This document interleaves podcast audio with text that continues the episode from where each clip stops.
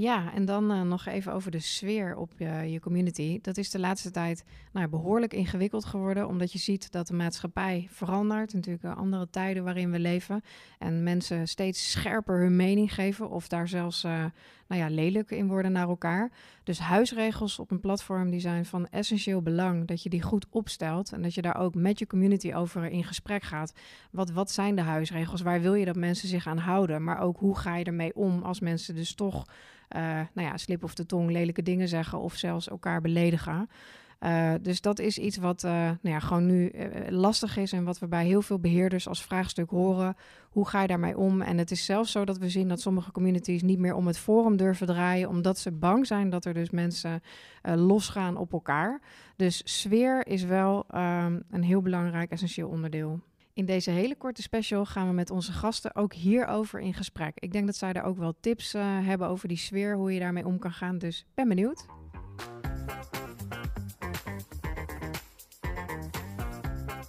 En vandaag gaan we voor de derde keer en tevens laatste keer het gesprek aan met uh, Saskia van Tweakers en Robert van DPG Media. Want uh, ook zij hebben hier wat over te vertellen.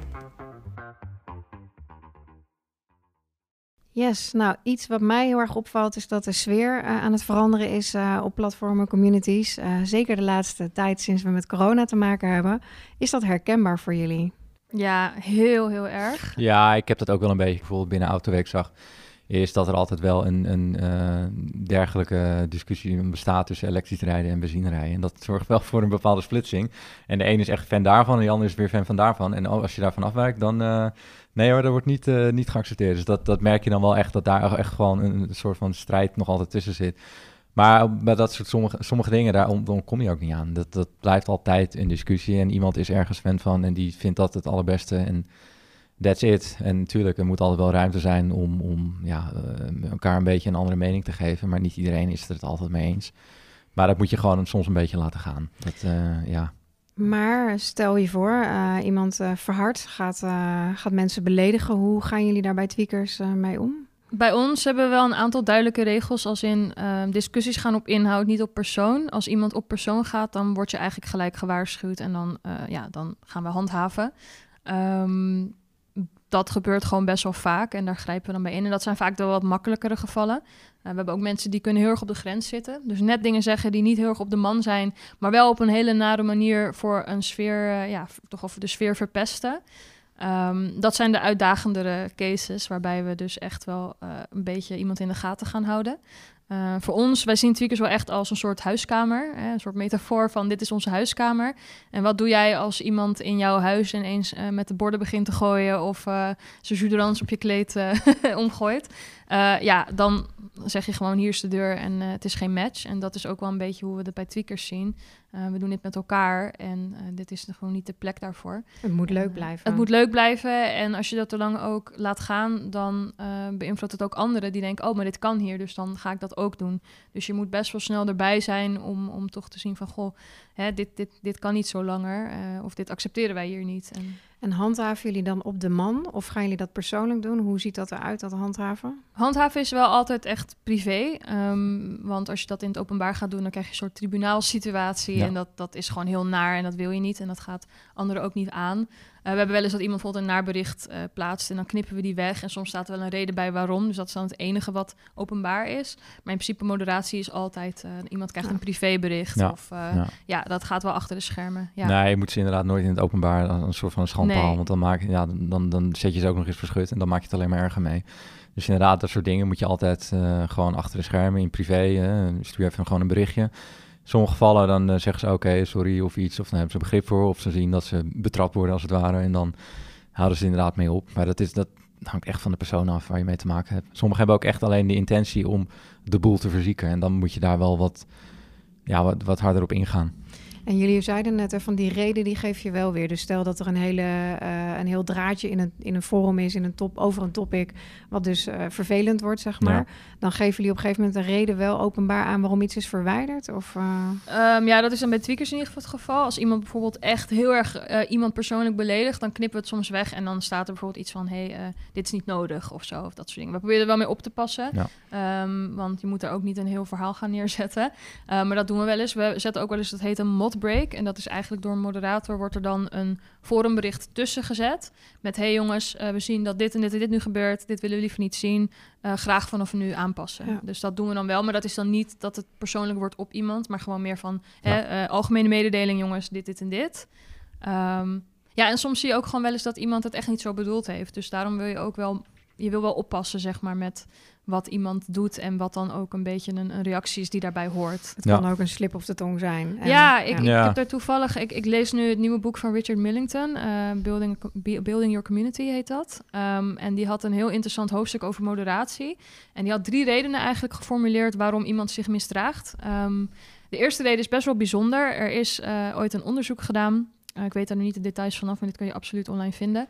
Um, dat er dus, er zijn mensen in de bevolking, van de wereldbevolking, een bepaald percentage uh, heeft sadistische persoonlijkheidstrekken. En die vindt het gewoon heel erg leuk om uh, ergens chaos aan te richten of dingen negatief te beïnvloeden. Uh, waar dan ook, als je met mensen werkt, heb je dus, stel je hebt zoveel duizend man, heb je altijd die bepaalde, bepaalde percentage wat zo in elkaar zit. Die vindt het gewoon leuk, die gaat zich ook niet aanpassen, uh, die heb je gewoon. Klinkt heel donker, maar dat is echt uh, ja, best wel een bekend ding. Uh, het tweede kan gaan over uh, hoe voelt iemand zich, hè, een stemming. Je hebt net een rotdag gehad, uh, je hebt door de regen gefietst, je vriendin heeft het uitgemaakt, je hond is ziek, ik zeg maar wat. iemand is gewoon in een rot humeur en die, ja, die doet gewoon zoiets. En meestal na een waarschuwing hebben ze wel zoiets van, oh ja, wacht even, dit, dit was inderdaad niet handig, sorry. En dan heb je nog dat het gaat over inhoud. Dus iemand is het ergens niet mee eens, of iemand vindt het niet leuk wat een ander zei. Of nou, dat kan heel breed zijn, maar dat gaat dan over een onderwerp waardoor iemand zich verkeerd gedraagt. En vaak kunnen alle momenten dat het fout gaat, kun je herleiden naar een van die drie. Gaaf. Ja. ja. Ja, dat is een heel interessant boek, kan het absoluut aanraden. Ik krijg geen geld voor Richard Millington, maar wel groot fan van hem. Dus, Een gouden tip in ieder geval. Ja, heel tof boek. En um, hoe, wat zou jullie advies dan hierbij zijn als je, hebt, als je het hebt over die handhaving, over die huisregels? Hoe geef je hier handen en voeten aan als het gaat om structuur en techniek? Hoe zou dat kunnen ondersteunen? Um, ik denk dat je een goede set regels moet hebben waar geen discussie over mogelijk is. En dat gaat dan niet per se over naar buiten toe. Ik bedoel, naar buiten toe is ook belangrijk. Maar je wil dat voor iedereen die het handhaaft, of je nou een groep moderators hebt, of je het zelf doet, of dat je met collega's zit, dat ligt er maar net aan ook de schaal. Maar hoe groter de schaal, hoe belangrijker het wordt dat je daar dat het duidelijk is.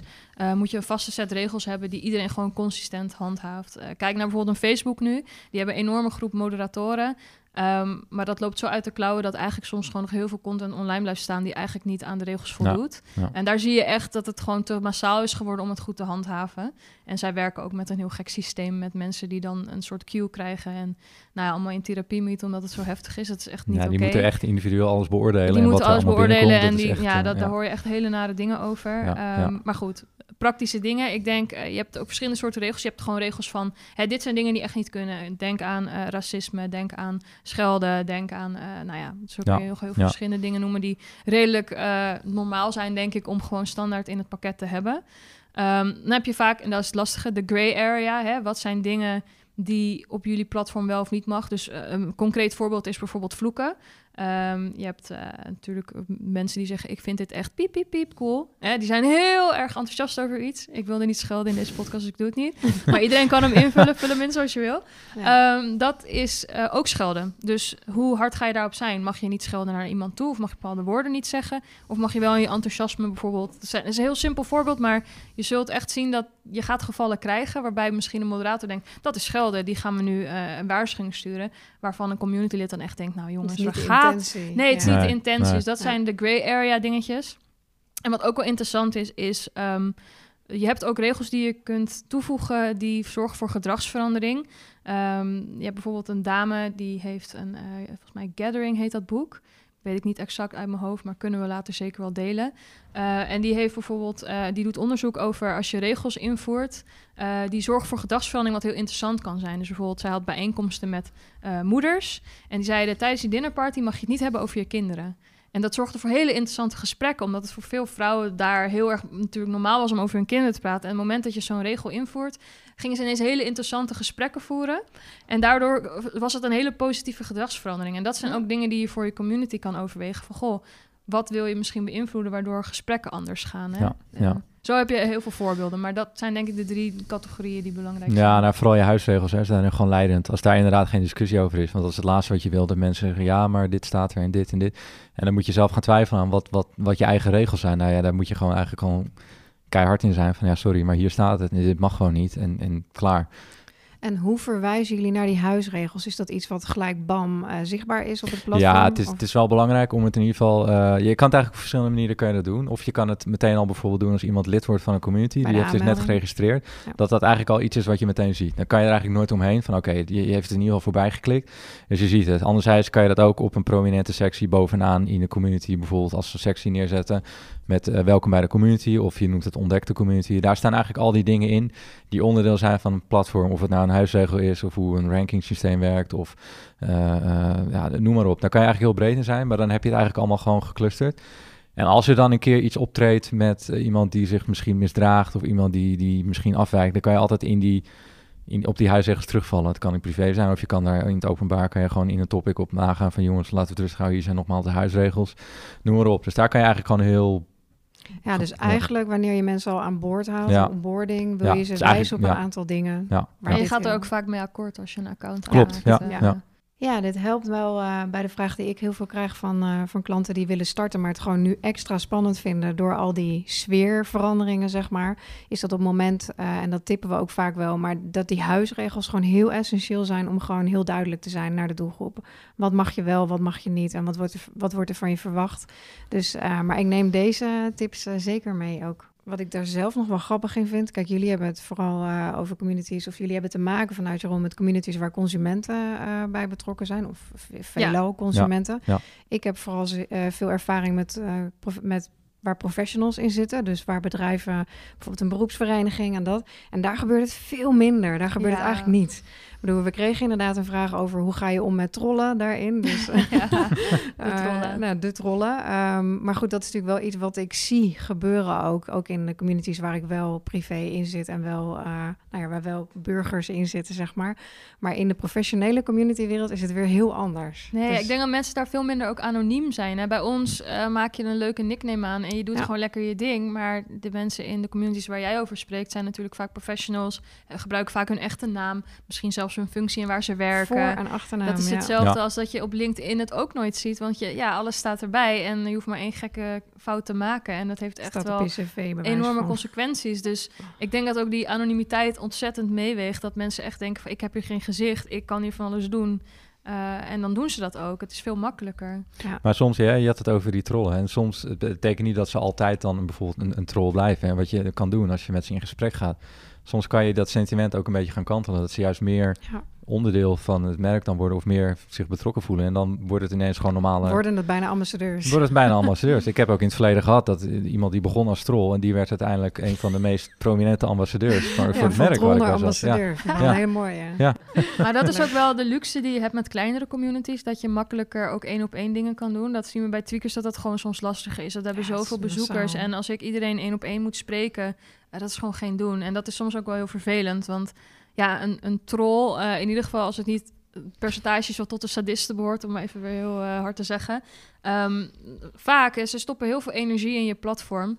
En die energie kun je dus ook omdraaien naar iets positiefs. Uh, ja. en, en, dat is echt een kunst. En dat is ook heel mooi om te zien. En ik heb dat ook al in mijn carrière wel gezien. Um, maar ja, als je dus een omvangrijke community krijgt, dan is dat soms heel lastig om uh, te doen. Dus dat is ook alweer de uitdaging van als je gaat groeien. Is dat dat ja. soort aanpakken, ja, die worden toch soms lastiger. Ja. ja. Conclusie, nou ja, mijn conclusie met deze vraag aan jullie is uh, dat wat ik zelf erbij voel, zowel privé als in de communities uh, binnen de consumentenbranche noem ik het maar, jullie het in ieder geval herkennen als iets wat er wat, wat, wat gaande is en waar we gewoon mee te dealen hebben. Maar ik vind de aanpak die jullie beschrijven, denk ik heel leerzaam voor mensen die uh, hier ook iets mee willen doen. Dus dankjewel. Ja, ja. super. Dankjewel voor het luisteren naar deze tweede reeks van de podcast Bruisende Communities, waarbij we in drie afleveringen het gesprek aan zijn gegaan met Saskia van Tweakers, Robert van DPG Media en Eva van Slachtofferhulp Nederland. Uh, er komen weer nieuwe afleveringen aan, uh, dus uh, abonneer je op de podcast zodat jij een seintje krijgt als er weer een nieuwe aflevering staat. Deze podcast is gemaakt door Matt. We hebben een passie voor online communities en zijn elke dag bezig met het creëren en beter maken van deze communities. We leveren niet alleen een technische oplossing, we coachen, ondersteunen en ontzorgen jou de hele rit. Voor collega's tot inwoners, van vrijwilligers tot een netwerk van professionals, wij halen ze over de streep met meetbare resultaten. Zodat jij kunt zeggen: dit hebben we samen voor elkaar gekregen. Wil je een demo of meer info? Kijk dan op www.met.nl. Met is met dubbel T.